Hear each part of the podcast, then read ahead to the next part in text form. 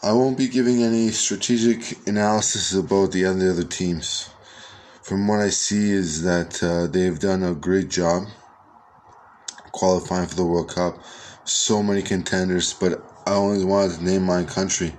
Just to let you guys know how important it is to, and how much uh, effort it goes into qualifying for the World Cup that you, de- you definitely get to see that the best out of those fruits the most the best out of those fruits and, and, and they do a great job on the pitch for each and every one of us very nice to see that they have qualified for the World Cup. My country has qualified for the World Cup, but uh, we'll see if they can qualify past the group stage or to the quarterfinals or a little bit further. We will see.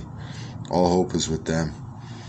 But uh, moving forward, uh, it's very important to analyze each and every country to see how how important their their roots are, how, how great they are doing in the level of uh, the World Cup in soccer. Soccer is a beautiful game. Soccer is is spread across the country, spread across the uh, the world. It's it's in many nations in the world, and it, it brings a, a level of understanding. And I wanted to let you know that uh, when I see people playing, it's just a beautiful sight to see that they're playing football and, and they're having some fun and, and they're they're excelling their talents beyond the game. You know, they're they're they're growing, they're growing in levels that uh, we want to see in, and that's very nice to see. It's all about fair play, friendship, and respect, and stuff like that. So we get we get to see that a lot in the game.